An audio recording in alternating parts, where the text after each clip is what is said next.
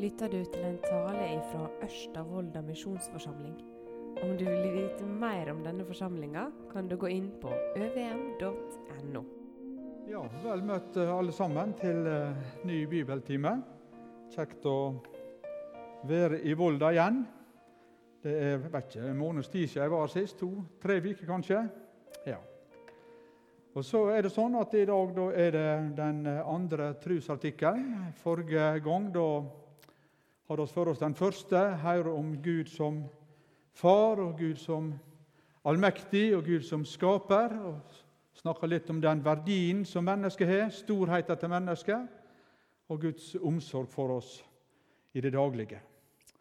Og I dag skal vi stanse for den andre artikkelen og ber litt sammen før vi går videre.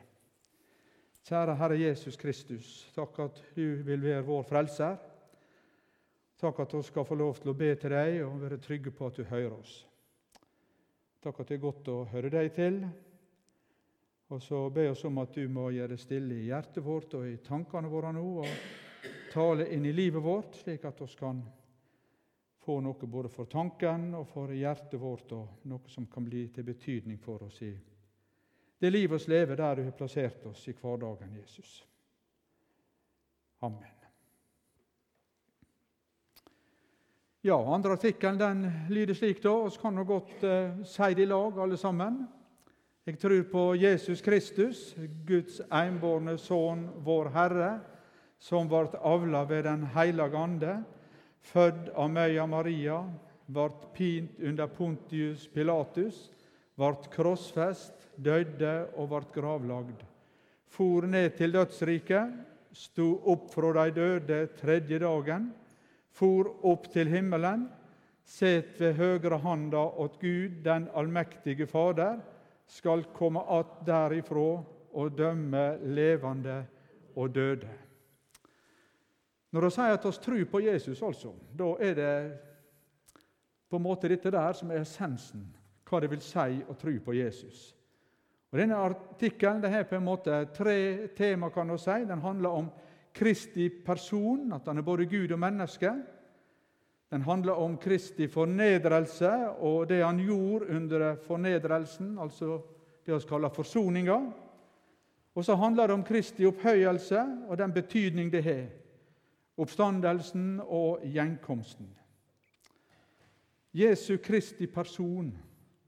Vi bekjenner at jeg tror på Jesus. og Det er ofte det uttrykket vi bruker ikke sant? når vi sier hvem vi tror på. og Det er noe med det navnet som betyr noe for oss. Jeg tror på Jesus. Det navnet som han fikk før han var født, og som var sagt slik at du skal kalle han Jesus, for han skal frelse folket sitt ifra syndene deres. Gud er frelse, eller Gud frelse, betyr dette navnet Jesus. Så tror oss på Han som er Kristus, Messias, Han som var lova, Han som det var talt om i Det gamle testamentet. Han som Peter også bekjente i Matteus 16, at du er Messias, den levende Guds sønn. Og så det, var ikke det så ofte Jesus eh, ga til kjenne det sjøl sånn direkte, men ved brønnen i Sykar utenfor byen der, der satt han med denne kvinnen som kom for å dra opp vann. Og eh, Da sier han det i vers 25 og 26. Kvinna sier til han, 'Jeg veit at Messias kjem, han som var kalla Kristus.' 'Når han kjem, skal han forkynne oss alt.' Jesus sier til henne, 'Det er jeg, jeg som taler med deg.' Tenk for en overraskelse og for et sjokk å få lov til å høre det der hun tenkte en vanlig mann som sitter her, og så var det han, altså. Det er Jesus han som er Messias, han som er Kristus, som har fått navnet Herren. Han er Guds enbårne sønn, bekjenn oss i denne trua. Jesus er Gud. Han er født der, han er ikke skapt der. Det er rart å på en måte pirke på sånne ting, men det er viktig. Det er viktig. Den enfødda sønnen, tror jeg det står på svensk. Guds barn det kan være brukt i Bibelen på mange måter. og Alle oss som hører Jesus til, oss også Guds barn. Men det er bare én som er den enbårne sønnen, som er båren fram og ut av Faderen sjøl. Og Det er versene i Johannes evangeliet kapittel 1 som på en måte gjør dette klart for oss. Eh, Johannes 1 i opphavet var Ordet, og Ordet var jo Gud, og Ordet var Gud, les oss. Så kommer vi til vers 18. Ingen har noen gang sett Gud. Den enbårne Sønnen som er i Faderens fang, han har synt oss hvem han er. Og Kanskje treffer det enda bedre uten at jeg har stor peiling på det, men sånn som det er gjengitt i Bibelselskapet sin 2011-oversettelse. Ingen har noen gang sett Gud. Den enbårne som er Gud, og som er i fanget til Far, har synt oss hvem han er. Eh, svimlende tanke, svimlende vers å lese i Bibelen vår. Men slik skriver Johannes apostelen det. Jesus er ikke skapt, han er født av Faderen fra evighet av. Og Dere som har løst, og dere som vil lese kirkehistorie og dogmehistorie fra Oldkirka, vil lese om dette her. Spennende å lese om. Striden som var om dette. Hvem er Jesus? Er han Gud, eller er han bare den fremste av Guds skapninger, som Arius lærte, og som førte til et kirkemøte i Nikea? Og så ble det senere nedfelt i denne bekjennelsen, som vi også bruker av og til, den nikenske truvekjenninga. Eh, der er det nedfelt på denne måten. og Den fikk på mange måter sin utforming da i etterkant av kirkemøtet i Nikea, ble vel vedtatt på kirkemøtet i Kalkedon, tror jeg, i 381, hvis jeg ikke husker feil. Men der bekjenner vi sånn om Jesus og på én Herre, Jesus Kristus, Guds enbårne sønn, født av Faderen før alle tider, Gud av Gud, lys av lys, sann Gud av sann Gud, født, ikke skapt. Ser du hvor det på en måte er meisla fast i detaljer for å slå fast hvem Jesus er? Eh, jeg må bare bekjenne at akkurat disse setningene her, de får jeg ofte gåsehud av å bekjenne når jeg står og sier fram disse ordene om Jesus. Kanskje fordi jeg forbinder det med jul og en del julesalmer og sånt. Men dette syns jeg er mektig. Det er Han som jeg tror på, som er min Gud, som er min Herre, min Frelser, min bror. Det er Han jeg får lov til å si disse setningene om, og det er henta ut av det som vi leser i Bibelen. Han er avla ved Den hellige ande, født av Møya Maria. Han som må bekjenne slike store ting om. Tenk det. Tenk det, altså. Det er umulig å tro, nesten. Virker så uvirkelig. Men så leser vi i Bibelen hvor det henger sammen, både i Matteus og i Lukas 1, vers 35. Engelen svarer og sa til henne, Den hellige ande skal komme over deg, og krafta at Den høgste skal skygge over deg. Derfor skal det hellige som blir født, kallast Guds sønn. Og så tror jeg dette fordi at det står i Bibelen min, og får lov til å ta det til meg at sånn henger det sammen. Og Så leser vi dette verset i Johannes 1, vers 14, som på mange måter er et sentralvers. Og ordet ble kjøtt og tok bostad i oss, og vi så herligdommen hans, en herligdom lik den en einbåren sønn har fra far sin, full av nåde og sanning. Gud ble menneske, ordet ble kjøtt, og så steg han inn i verden som en av oss. Eh, det er et uoppgivelig lærepunkt i den kristne kirke. Det er det som snakker om nå, det som vi kaller for Bibelens lære om Jesu to naturer. Han er, han er, både Gud og han er menneske. Og Det er ikke slik at det på en måte er, er blanda, at det er 30-70 eller 50-50, men han er 100% Gud. Og så er han 100% Gud, menneske, og han er det samtidig. Og så møter han slik i Bibelen vår og snakker om kvinna ved Sykarsbrønnen i stad. Der eh, sitter han sammen med henne. Og så snakker han om at han har det levende vannet som han kan drage opp til henne. Og den som drikker av det vatnet jeg vil gi han, sier han, skal aldri i evighet tøste. Men det vatnet jeg vil gi han, blir han til ei kjelde med vatn som vel fram til evig liv. Det kan han gi. Han har det evige vatnet. Han er det evige livet. Han er Gud. Og så sier han samme øyeblikk nesten Jeg tyste. Drag opp litt vann, så jeg kan få drikke. Den menneskelige sida til Jesus. Så sier han at han er oppstandelsen og livet. Og hver den som tror på Han, skal leve om han så dør. Tenk å kunne stå og si det. Det er han i seg sjøl, fordi han er Gud. En stund etterpå så anda han ut på et kors, hjelpeløs, håna og spotta i stor fornedring. Han dør og blir et lik og blir lagd i ei grav. Det er rart, men det er han som er Gud, og det er han som er menneske. Han har prøvd i alle ting i likhet med oss, står det i Hebreabrevet, da uten synd. Og Denne læren om to naturene til Jesus den er viktig. Og Det blir ofte uttrykt slik at han måtte være den han var, for å kunne gjøre det han gjorde. Han måtte komme utafra som Gud, fullkommen og rein, uten synd. Og så måtte han bli et menneske for å gå inn under dommen og bære straffa på våre sine vegne. tar, mange av fall Flere av julesongene våre de har mye av dette med seg i det de forteller, og i det de bærer med seg.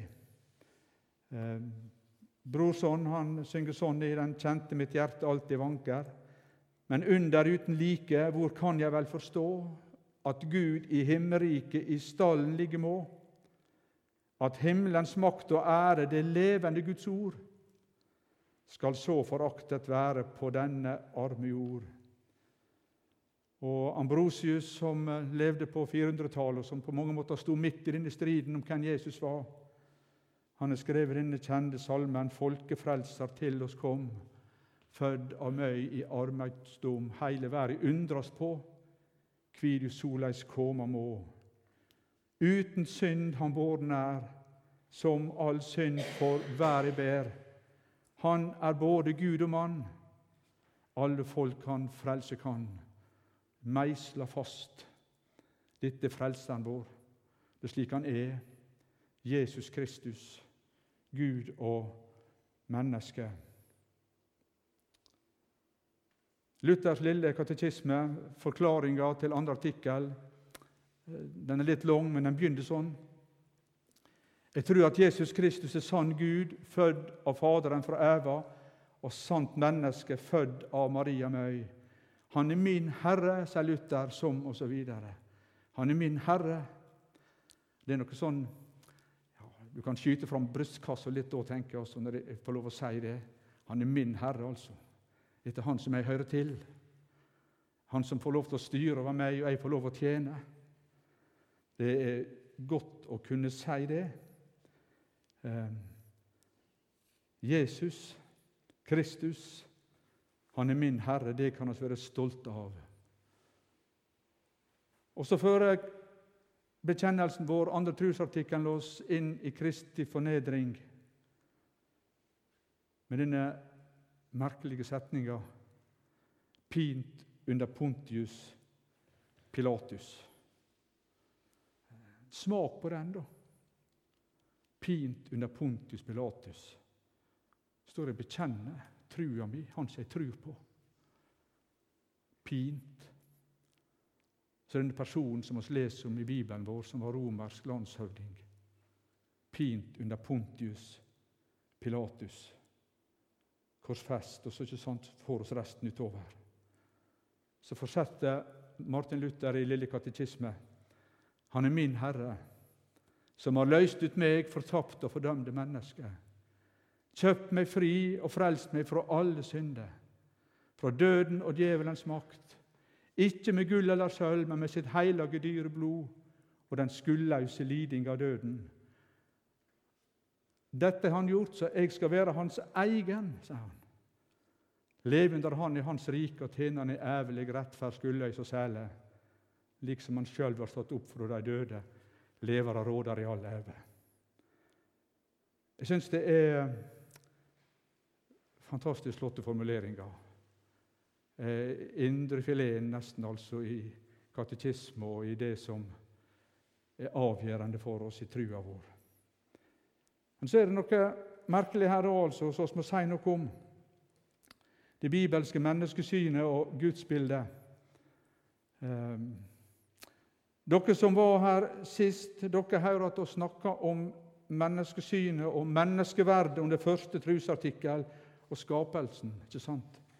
Og snakker om Guds bilde som vi er bærer av. I likning med seg Han skapte oss og kjenner igjen noe seg sjøl i hver enkelt av oss. Og sier om verdien og storheten til mennesket. Om å være villa av Gud, skapt av Gud, elska av Gud. Om å ha verdi fordi Gud løfter mennesket opp som noe enestående i sitt skaperverk. Så kommer vi til andre trosartikkelen, og så kommer han Martin Luther da, vet, og så sier han meg fortapt og fordømte menneske. Hvordan kan det på en måte i det hele tatt henge i hop? Altså? Meg fortapt og fordømte menneske. Ja, men er ikke jeg godtatt slik som jeg er da? Er ikke jeg verdifull? Betyr jeg ingenting? Meg fortapt og fordømte menneske så stikker oss piggene ut. Det her oss må sjelden klart, altså. Og jeg tenker at I vår tid så er det viktigere kanskje enn noen gang før. Og Kanskje er det en av de store utfordringene for forkynnelsen det er nettopp å kunne skjelne her mellom menneskets verdi ut fra første trosartikkel, og så hvor det er stelt med oss behovet for frelse, hvor det ser ut inni meg i møte med den andre trosartikkelen. Skapt med en uendelig verdi, mennesket er noe stort og elsket av Gud. Og Samtidig er mennesket fallet i synd. Bibelen taler om løgn, egenrettferdighet, egoisme og misunnelse og et syndig hjerte hos hver enkelt av de mennesker som han en gang skapte til å leve sammen her på jord. Noen bibelvers kan lede oss eh, inn på dette. Dere får ikke det på skjermen. Jeg kan lese noen av dem. Romerbrevet kapittel 3 og vers 19. Men vi vet at alt det lova sier, det taler hun til de som er under lova. Så hver munn skal verte attlaten, og heile verda verte skuldig for Gud. Heile verda verte skuldig for Gud. Hm. Og som er skapt av Han, har verdi, har sitt bilde. Kapittel 7 og vers 7 og 8 Romerbrevet det også. Hva skal vi da si? Er lova synd? Langt ifra. Men jeg kjente ikke synda uten gjennom lova. Og så kommer det, for jeg hadde ikke kjent lysta der som ikke lova hadde sagt du skal ikke lyste. Men synda nytta seg av både og vekte alle slags lyster i meg. For uten lov er synd og død. Og i vers 18.: For jeg veit at i meg, dvs. Si i kjøtet mitt, bor ikke noe godt. For viljen har jeg, men å gjøre det gode makter jeg ikke.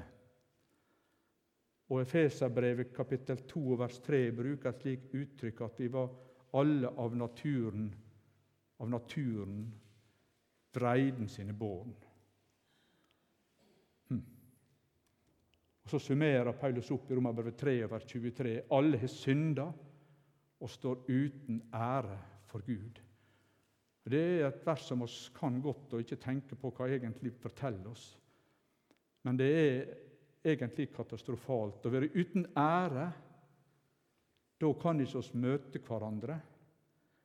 Hvis noen her var æreløs i forhold til andre mennesker, så ikke du kommet inn døra, du hadde vært hjemme i kveld. Du kan ikke se noen i ansiktet. Slik er det i møte med Gud. ære. Jeg tror latin og gresk tror jeg har disse ordene her, pondus og gravitas, altså dere forstår det, tyngdekraft. Og på en måte pondus, tyngde i seg sjøl. Altså på en måte har noe med deg. Og når alt dette blir borte, da er alt håp ute, på en måte. Og sånn er oss overfor Gud, sier Bibelen. Gud er kjærleik. Han vil ha fellesskap med sin falne skapning. Han sier Gud hellig. Han er fullkommen, han er rein, han er lys. Og så synger vi en salme som vi også ofte kanskje bare synger uten å tenke på hva det betyr. Hellig, hellig, hellig, lyset er ditt rike. Intet urent øye kan se din herlighet. Ja, Men da er jo nesten alle dører stengt. Er ikke det det? Og så krever Gud oss regnskap med fortapte og fordømte mennesker. Men så er her en, en viktig sammenheng. Det er nettopp fordi at mennesket er noe stort, og fordi mennesket er skapt i Guds bilde. Det er derfor han krever oss til regnskap. Slik er det fordi han har sett sitt stempel på oss. Det skal være heilage, for jeg er heilag, sier Gud. Tredje Moseboken plass, tror jeg. Og det vil si at Han krever den samme hellighet av oss som han har sjøl. Og ikke det egentlig ganske naturlig? Han har skapt oss i sitt bilde, i likning med seg sjøl. Og av det følger egentlig at ja, han krever den samme hellighet av meg og deg som han har sjøl. Og I dette møtet så kan ingen bli stående med fortapte og fordømte mennesker. Og så griper Gud sjøl inn fordi han ikke orker tanken på å miste oss. Og det er det andre artikkelen i trua vår dypest sett handler om. Pint under Pontius Pilatus, ble krossfest, døde og ble gravlagd, står det om Jesus. Han ble menneske. Hvorfor fikk han en kropp, egentlig? Hebreabrevet kapittel 10, eh, fra vers 3. Jeg kaller det sjøl for Hebreabrevet sitt juleevangelium. Inkarnasjonen. Men med offera kjem det kvart år ei påminning om synder. For det er umogleg at blodet av okser og bukker kan ta bort synder. Derfor sier han når han stig inn i verda, offer og gåve ville du ikke ha, men en lekam lager du til meg. Brennoffer og syndoffer hadde du ikke huk på. Da sa jeg, sjå, jeg kjem. I bokgrunnen er det skrevet om meg, for å gjøre din vilje, Gud. Der alt annet ikke nytta og ikke kunne ha varig verdi, der offera egentlig ikke hadde bærekraft i et lengre perspektiv. Der sier han sjå, jeg kjem, jeg, sier han, for å gjøre din vilje når han stiger inn i verden. Hvorfor fikk Jesus en kropp?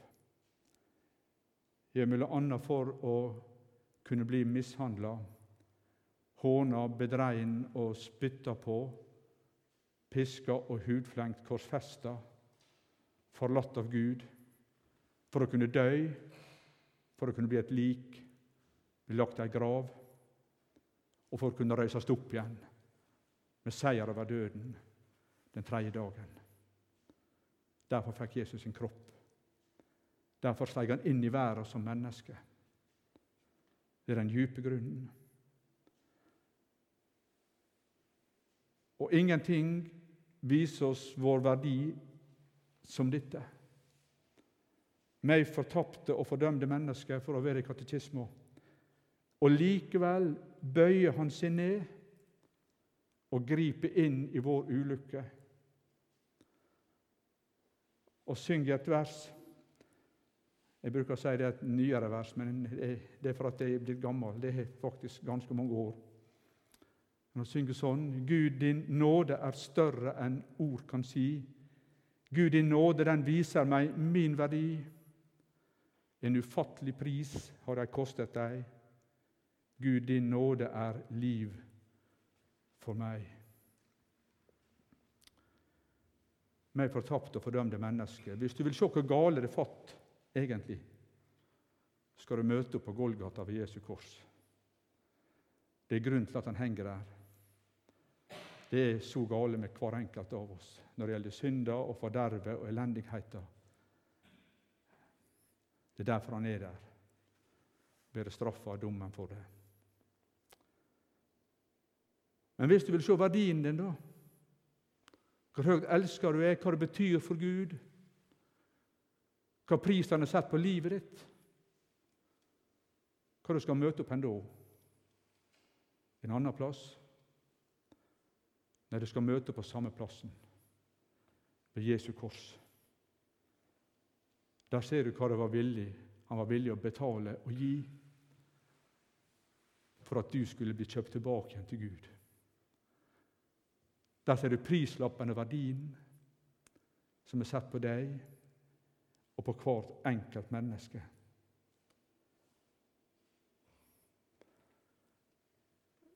Katekisme igjen. Tilbake igjen til den. også. Han er min Herre, som har løst ut meg fortapt og fordømte mennesker. Kjøpt meg fri og frelst meg fra alle synder, fra døden og fra djevelens makt ikke med gull eller sølv, men med sitt hellige dyre blod og den skuldløse liding av døden. Dette har han gjort for at jeg skal være hans egen. Dette er til å puste ut i. Her er jeg fri. Dette tror jeg på når jeg tror på Jesus.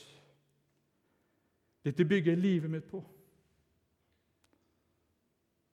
Og dette er faktisk tenkt å dø på en dag når den dagen kommer.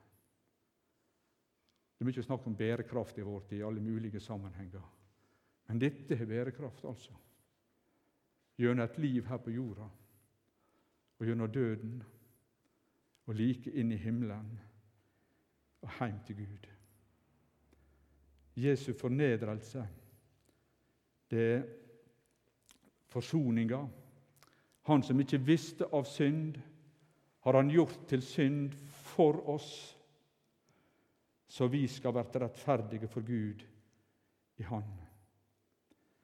Igjen et sånt kjent ord, slete ord, som jeg har hørt så ofte og brukt så ofte at ja, Du kan kjenne jeg er blitt litt lei av det, kanskje, på en måte.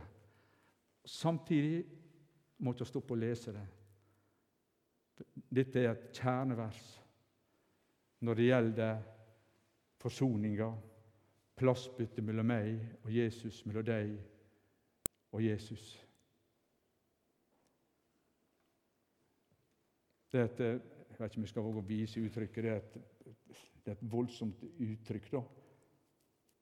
Stedfortredende strafflidelse under Guds vrede og dom. Det er ofte blitt uttrykt sånn i teologien, og det er sånn som jeg ikke bruker lese vanlig preike, et formiddagsmøte og sånn.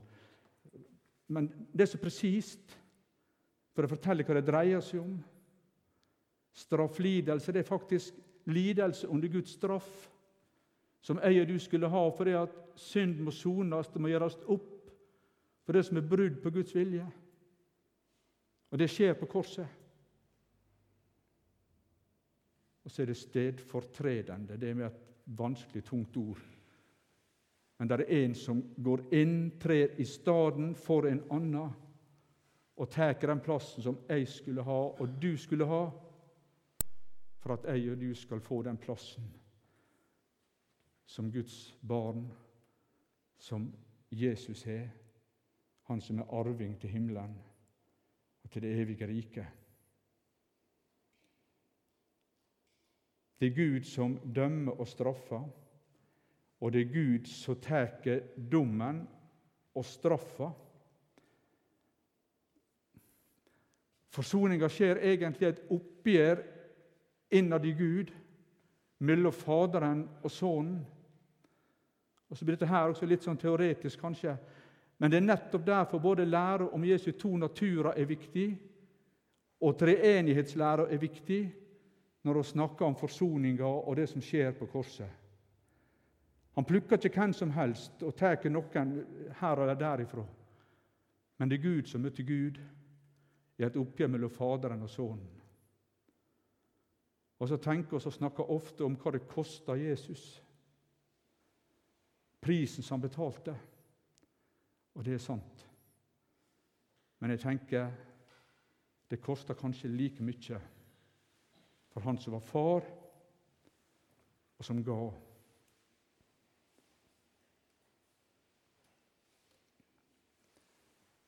Jeg må si litt om siste tema i andre artikkelen, om Kristi opphøyelse.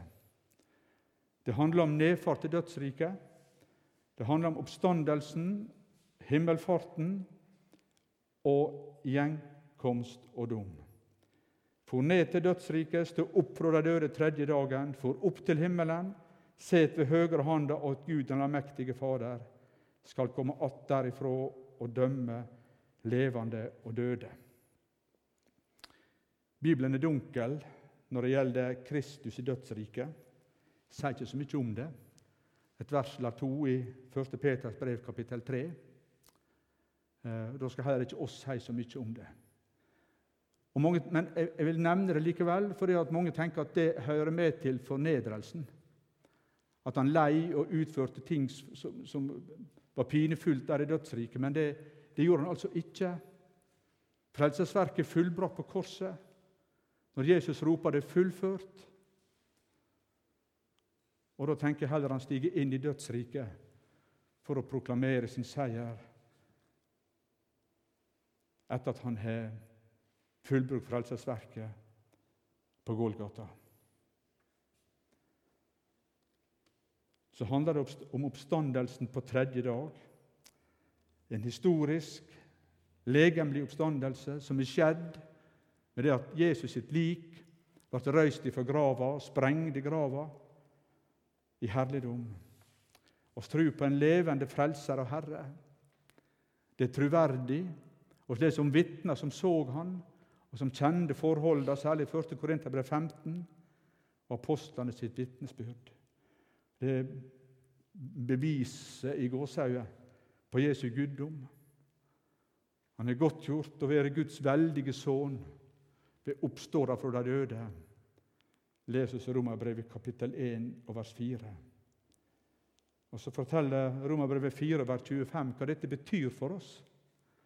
Om Jesus. Han ble gjeven for våre brudd og oppreist til vår rettferdiggjøring. Gitt i døden for våre brudd overtredelser. Og når han blir reist opp igjen, ja, det er det til vår rettferdiggjøring. Da er det mulig å komme inn i et rett forhold til Gud og få del i frelse og sin gave.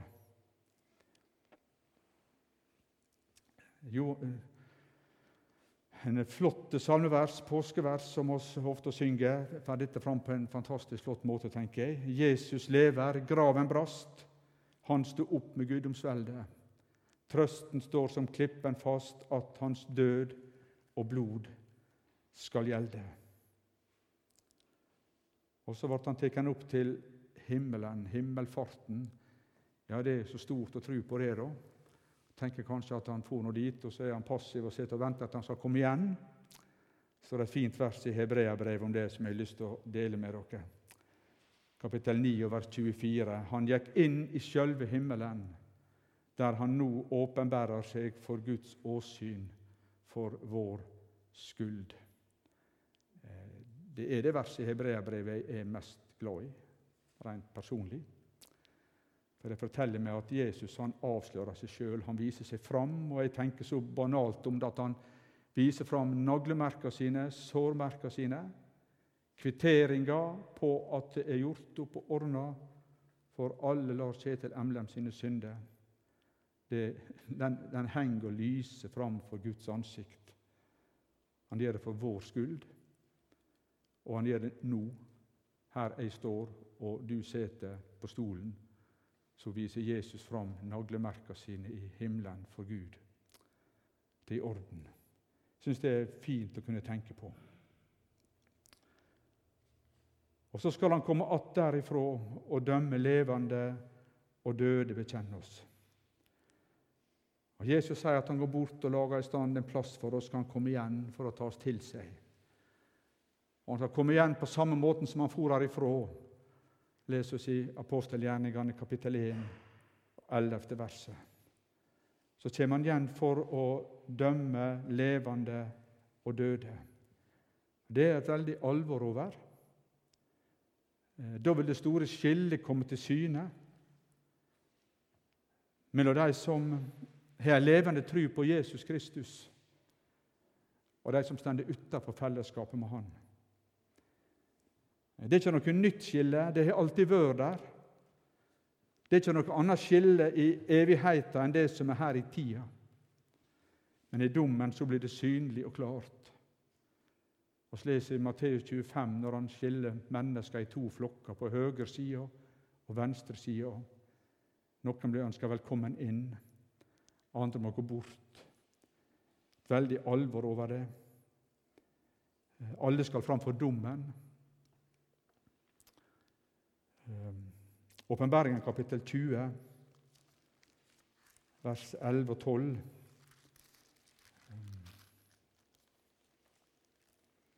Jeg så ei stor, hvit trone og han som sat på henne. Jorda og himmelen kvarv for åsynet hans, og det ble ikke funnet noen stat for dem. Og jeg så de døde, små og store, stå for Gud, og bøker ble åpna. Og ei anna bok, som er livsens bok, ble åpna. De døde ble dømte etter det som var skrevet i bøkene, etter gjerningene sine. Det er et rart uh, avsnitt å lese. Alle skal dømmes etter gjerningene sine. Det er noe sånn paradoksalt i Bibelen vår. Vi blir frelst av nåde ved tro på Jesus Kristus alene.